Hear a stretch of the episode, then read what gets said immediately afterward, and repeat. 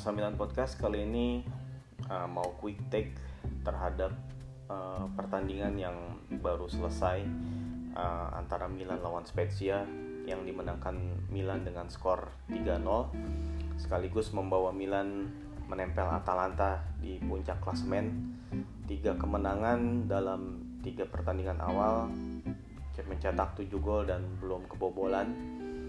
Termasuk berhasil lolos ke babak grup uh, UEFA Europa League ini tentunya menjadi awal yang menjanjikan bagi Milan sebagai tim. Tapi bagaimana ketika mereka menghadapi Spezia?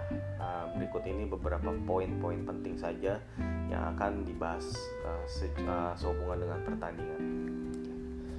Yang pertama mengenai tim mengenai susunan tim maksudnya jadi Stefano Pioli memang melakukan perubahan yang cukup substansial di beberapa lini terutama tengah dan depan. Di lini belakang nggak ada nggak ada perubahan karena memang nggak banyak pilihan gitu. Nah di lini tengah dan depan itu kan Pioli udah banyak pilihan, udah banyak pilihan ya. Uh, artinya uh, Pioli jadi punya ruang untuk mengistirahatkan beberapa pemain kunci seperti Cahanolu, uh, double pivot uh, Kesia dan Benacer itu tiga pemain itu diistirahatkan dan akhirnya yang bermain di situ adalah Tonali dan Krunic sebagai double pivot dan Brahim Diaz uh, sebagai gelandang serang. Di uh, gelandang kanan itu Selemakers, sementara gelandang kiri diisi Leao dan penyerang tengah diisi Colombo. Ya, di babak pertama bisa dibilang permainan Milan masih sangat lambat temponya. Maksudnya lambat itu dalam hal uh, ngalirin bola, ngalirin bolanya tuh menurut gue masih terlalu lama beda uh, beda halnya kalau misalnya yang main itu uh, Rebic, Ibra ataupun Calhanoglu yang gerakannya lebih efektif gitu ya. Uh, Tonali dan Krunic ya karena mereka baru main bareng ya itu kelihatan banget masih ada kebingungan di antara mereka. Gitu kadang-kadang misalnya Tonali yang jadi uh, di playing playmaker atau main di depan back itu ketika dia dapetin bola uh, Tonali itu bingung mau ngasih umpan ke siapa karena nggak ada rekan-rekannya yang mendekat gitu. Jadi dua pemain sayapnya itu kadang-kadang terlalu ke depan nggak menyediakan opsi passing buat fase build up dan Krunic juga sebagai uh, apa namanya rekan double pivotnya si Tonali itu juga dia di marking di marking oleh para gelandang Spezia jadinya nggak ada juga ya nggak banyak juga yang biasa dia bisa dia lakukan gitu. Jadi itu akhirnya jadi kesannya Tonali itu sering salah passing padahal memang ya selain memang mungkin masih beradaptasi dengan permainan ya mungkin nggak ada juga opsi passing yang disediakan oleh rekan-rekannya gitu sementara Krunic gue ngeliatnya Krunic itu memang terlalu uh, terlalu stylish ya untuk main di posisi ini. Jadi dia tuh belum dia tuh nggak bisa jadi perebut bola gitu. Dia nggak bisa jadi perebut bola. Uh, dia nggak memiliki tackle tackle yang bagus nggak nggak memiliki kemampuan intercept yang juga bagus gitu. Dia itu cuman kayak jadi passer aja gitu. Sesekali dia melakukan uh, umpan forward pass ya vertical pass gitu yang emang cukup baik gitu di situ. Cuman kalau dari aspek bertahan dari aspek uh, tenacious atau uh, apa namanya energi di lapangan tengah itu emang dia nggak bisa provide di situ gitu.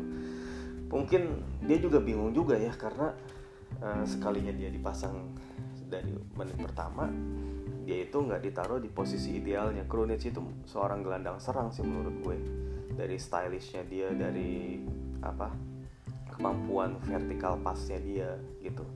Dia seorang gelandang serang cuman kadang-kadang sebagai gelandang serang dia juga terlalu slow. Itu dia nggak bisa melakukan dribble yang cepat nggak nggak punya akselerasi. Dia jadinya tuh kronis itu tipe pemain yang uh, menurut gue tuh kalau sebagai playmaker dia tuh playmaker yang kayak klasik gitu yang lambat mainnya gitu. Dan dia juga nggak punya apa ya ya dia nggak punya keberanian untuk melakukan terobosan-terobosan atau melepasin tendangan-tendangan gitu. Dia jadinya emang kelihatannya seperti itu gitu. Ya jadi double pivot itu tentunya bukan pekerjaan mudah ya. Dan sayangnya emang Milan nggak ngedatengin pemain kayak Bakayoko gitu. Emang cukup disayangkan karena ya tapi memang masalah finansial itu jelas nggak bisa dianggap uh, enteng lah gitu dan akhirnya Milan memutuskan untuk bertahan dengan Krunic ya udah mereka harus ready dengan keputusan itu harus memanfaatkan si Kronic dengan sebaik-baiknya gitu lalu kemudian untuk uh, gelandang serang poin berikutnya uh, hanya Brahim Diaz yang menurut gue tampil oke okay. Makers tampil oke-nya di babak kedua. Ya dia cukup dia emang seperti biasa dia Makers adalah pemain yang punya kecerdasan taktikal. Dia mainnya efektif dia ngerti ya, decision makingnya juga makin bagus cuman memang skill setnya yang perlu dilengkapin aja gitu. Nah Brahim Diaz juga sama nih. Kemarin secara taktik Brahim Diaz itu udah ngejalanin instruksi.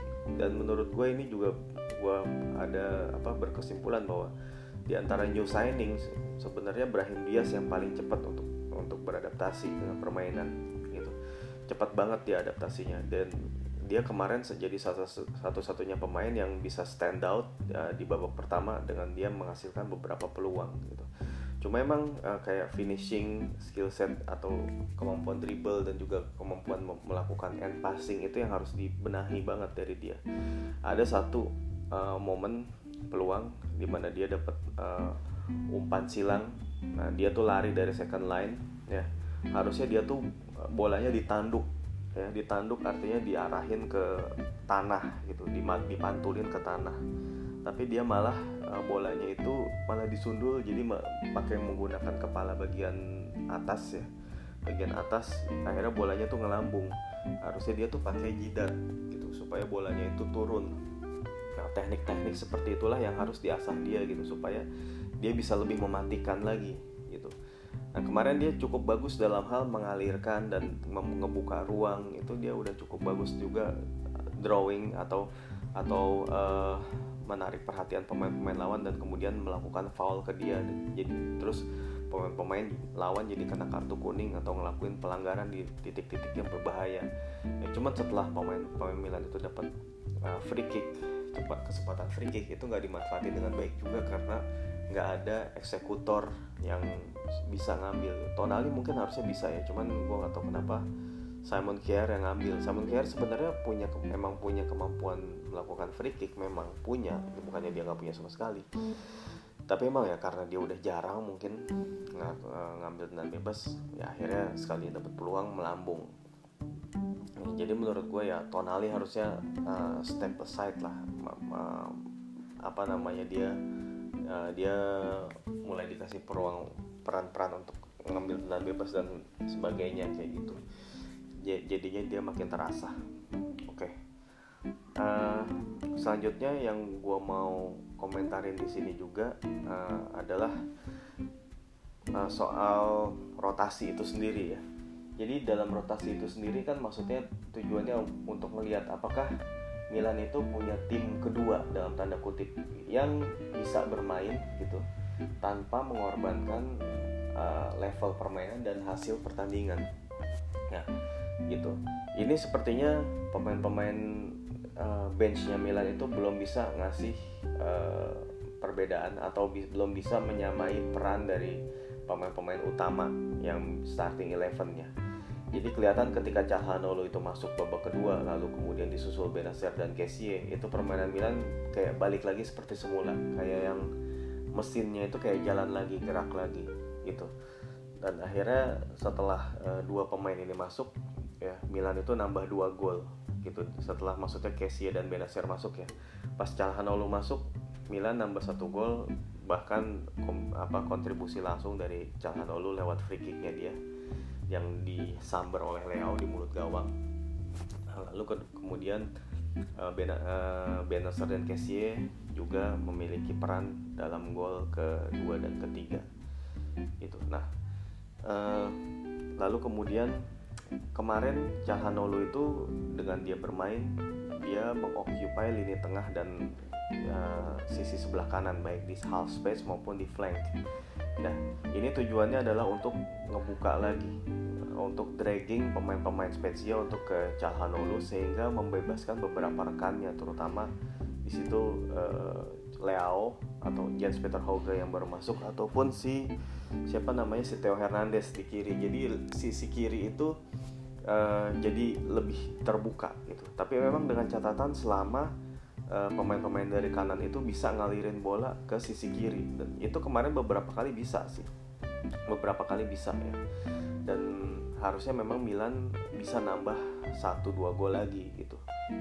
Nah gol kedua itu jadi contoh nyata menurut gue si Theo Hernandez tuh dapat ruang yang cukup lebar ketika dia melakukan akselerasi dari tengah lapangan sampai ke kotak penalti. Dan Theo emang cepet banget dia hanya butuh beberapa detik aja untuk sampai ke kotak penalti untuk sampai ke menemukan ruang tembak yang yang pas gitu menemukan ruang tembak yang pas dan juga uh, bisa menaklukkan kiper Rafael gitu.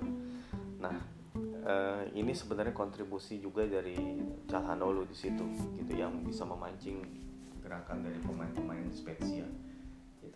Lalu gimana uh, komentar terhadap uh, debutnya si Jens Peter Hauge? Jens Peter Hauge itu baru datang hari Jumat ya dan udah main hari Minggu ya Minggu Minggu sore.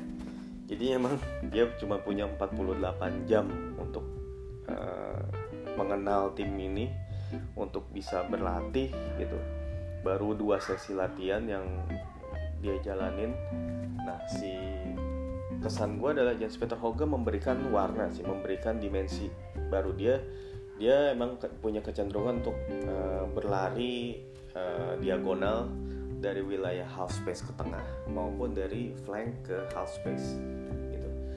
Tapi dia juga bisa nerima bola dari flank gitu. Jadi beberapa kali dia melakukan kombinasi dengan Theo Hernandez.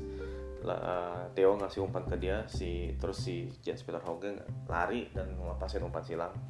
Atau uh, si ketika Theo ingin berakselerasi, dia ngasih umpan ke Hauge, Hauge langsung melakukan back heel untuk mengembalikan bola return pass. Nah itu udah cukup berjalan, itu udah pertanda yang bagus. Ya, lalu kemudian si Jens Peter Hauge juga memberikan Theo Hernandez ruang ketika dia ingin uh, menusuk ke depan dan dengan gerakan larinya si Jens Peter Hauge itu menarik atau dragging uh, back backnya Spezia itu untuk lebih ke tengah sehingga uh, si Hernandez dapat ruang dapat ruang untuk melepasin tendangan. Begitu juga ketika si uh, siapa namanya si Leo itu uh, jadi lebih dapat ruang dengan si Jens Peter Hauge itu masuk. Karena dia juga bisa dragging pemain lawan untuk memarking dia dan dan dengan skill set yang dia punya harusnya si Jens Peter Hauge bisa lah ngalahin atau melewatin satu atau dua pemain untuk bisa ngelepasin umpan. Nah cuman memang aspek dari skill seperti itu ngelewatin lawan uh, lalu kemudian melepaskan tendangan itu memang belum kelihatan kemarin karena emang ya beberapa kali dia mengontrol bola terlepas. Nah itu mungkin bisa jadi pelajaran buat dia. Semoga dia belajar cepat ya bahwa e, ketika lu ngebawa bola di wilayah lawan di sepertiga wilayah lawan itu lo harus cepet gitu. Either itu lo melakukan tendangan melakukan dribble cepet atau melakukan kombinasi. Nah itulah yang perlu ditingkatin. Nah mungkin kalau melakukan kombinasi dia masih kayak belum paham dengan pergerakan teman-temannya.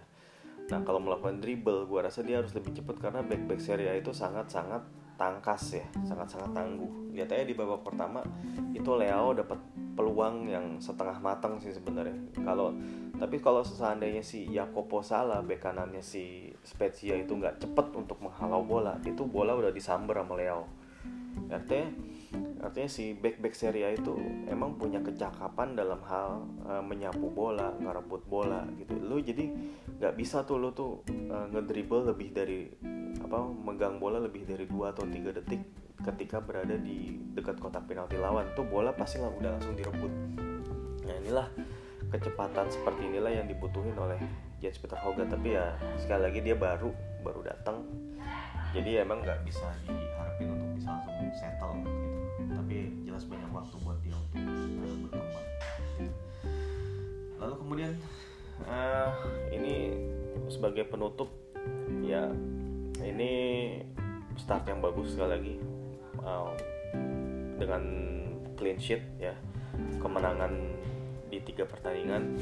Milan sekarang ada sebagai joint Capolista dengan Atalanta cuma Milan kalah sisi gol.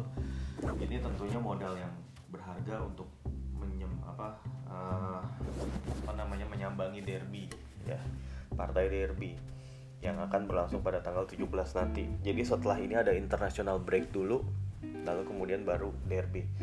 Nah, di international break beberapa pemain akan main ya seperti Donnarumma, terus kemudian kayak si siapa namanya Tonali di under 21 Simon Kjaer juga dipanggil Calhanoglu dipanggil terus uh, siapa lagi ya dan beberapa pemain termasuk Jens Peter Hoge juga mendapatkan first uh, call up di timnas senior Norwegia ya itu juga Nah pemain-pemain ini ya kita harapkan aja nggak mengalami cedera ketika balik lagi ke Milanello.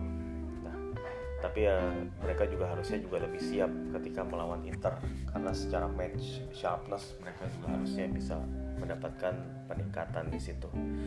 Nah uh, lalu kemudian uh, ini adalah apa namanya awal musim yang positif buat Milan semua target tercapai tiga kemenangan di liga berhasil diraih dan lolos ke babak grup UEFA Europa League. Jadi secara finansial tercapai tujuan, secara uh, secara sepak bola juga sejauh ini tercapai dengan tentunya dengan beberapa catatan di sana sini kayak misalnya ya tim ini ternyata walaupun sudah bisa melepaskan diri dari ketergantungan berlebih terhadap Zlatan Ibrahimovic tapi tim ini juga masih tergantung dengan uh, Casey Benacer dan juga Calhanoglu. Jadi tanpa pemain-pemain ini, itu Milan masih belum bisa untuk uh, bermain seperti biasanya.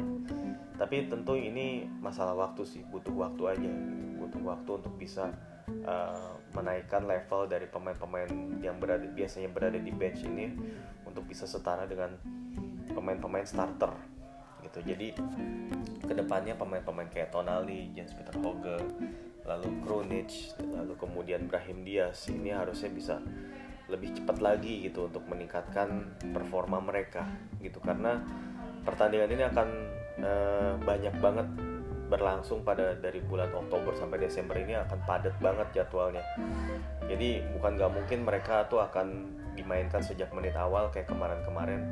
Dan emang pas lawan Spezia kemarin itu adalah kayak bentuk uh, dalam tanda kutip ya latihan yang bagus buat mereka gitu.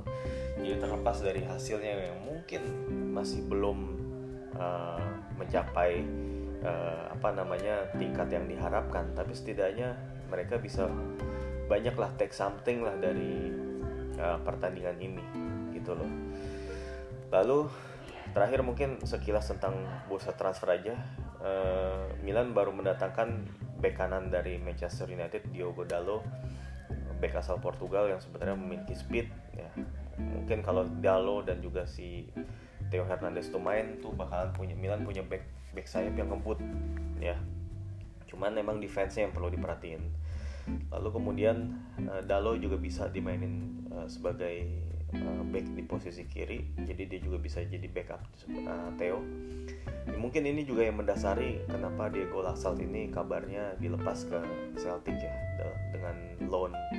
Jadi dengan anggapan bahwa si uh, Diogo, Diogo Dalo bisa main di kiri ya jadinya kayaknya Milan pede-pede aja untuk melepas Lassalt yang notabene adalah sejauh ini jadi pelapis dari Theo dengan bursa transfer yang berakhir beberapa jam lagi gue nggak tahu apakah Milan akan benar-benar nyari penggantinya apa uh, pelapisnya Theo atau enggak. Atau cukup membiarkan aja Diogo Dalo bisa uh, step in di situ kalau misalnya Theo absen. Itu tergantung manajemen. Nah soal lalu kemudian back tengah. Nah back tengah ini kalau saat podcast ini di tag itu masih Milan masih mencoba untuk uh, apa namanya mencapai kesepakatan dengan Schalke soal Ozan Kabak. Kabarnya uh, Schalke itu minta minimal hmm, 25 ya. 25 tapi Milan nawarinnya 15 ya. Padahal Schalke udah nurunin tadinya har harganya si Kabak itu 30 nurunin jadi 25. Cuman emang untuk pemain yang masih uh, bermain di, uh, di bawah 100 kali permainan 100 kali pertandingan di uh, highest level of football dan juga masih 20 tahun itu kayaknya terlalu mahal kalau 25 makanya Maldini mencoba lower the demand dari si Schalke. Paling nggak menurut gue sih 18 itu cukup lah. 17-18 itu cukup buat Ozan Kabak. Cuman ya nggak tahu ya semua tergantung klub pemilik juga gitu. Uh, satu lagi pilihan Tony Rudiger. Nah mungkin Tony Rudiger jadi pilihan yang lebih masuk akal daripada Kabak. Karena jelas Tony Rudiger punya experience di Serie A. Secara usia dia juga lebih matang. Dia biasa main di highest level. Dia seorang pemain timnas. Terus dia biasa main di uh, kompetisi tertinggi Eropa. Terus dia juga pernah main di Serie A bersama Roma jadi dia udah mengenal Serie A. Cuman yang jadi obstacle atau kendala adalah gajinya dia yang 4 juta euro. Nah kalau misalnya Chelsea mau ngebayarin partly gajinya dia lalu melepas si apa sih Rudiger dengan loan ini tentunya jadi hal yang baik tapi sepertinya sulit untuk berharap Chelsea mau uh, bernegosiasi seperti itu. Karena Chelsea ter ternyata alot juga tuh. Apa namanya si sport director yang cewek siapa namanya? Lupa gue pokoknya itu Martina Martina siapa sih? Ada Martina Martina nya namanya. Namanya nama kayak ada nama-nama Eropa Timurnya lah gitu. Pokoknya ya itulah pokoknya orangnya itu emang ternyata negonya cukup alot ya karena ya bisa dimengerti karena Chelsea mengandelin penjualan pemain ya terutama setelah mereka juga belanja banyak banget musim ini dari si Ben Chilwell, Kai Havertz, Timo Werner, Hakim Ziyech, lalu kemudian uh, termasuk Thiago Silva, Edward Mendy, uh, Malang Sar, uh, banyak banget lah. Jadi memang mereka ketika ada tim yang berminat terhadap pemain-pemain mereka ya mereka pasang harga tinggi gitu. Uh, apa lagi yang mau gue bahas ya? iya pokoknya next uh, derby masih ada waktu sekitar dua minggu lagi ya untuk derby jadinya untuk pemain-pemain yang gak dipanggil di timnas kayak Theo kayak Brahim Diaz ya Brahim Diaz ya Samu bahkan Samu gitu ya terus si siapa lagi uh, Benacer dan Casey kayaknya nggak nggak international break gue lupa deh tim-tim dari Afrika ada jadwal atau enggak terus Krunic Krunic kayaknya dipanggil sih. Pokoknya beberapa pemain yang nggak dipanggil ke timnas itu tentunya jadi peluang bagus buat mereka buat beristirahat dari competitive match. Dan juga berlatih di Milanello untuk mengasah hal-hal teknis yang tadi gue bilang gitu. Jadinya ya kita harapkan saja pelan-pelan tim ini bisa jadi kayak punya dua tim yang sama bagusnya. Jadinya artinya ketika pemain-pemain itu absen atau uh, cedera antara cedera kelelahan atau suspend itu nggak menurunkan level tim dan juga nggak mengorbankan hasil pertandingan. Itulah yang diharapin gitu.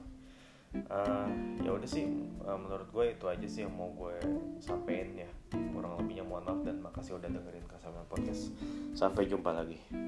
Ciao うん。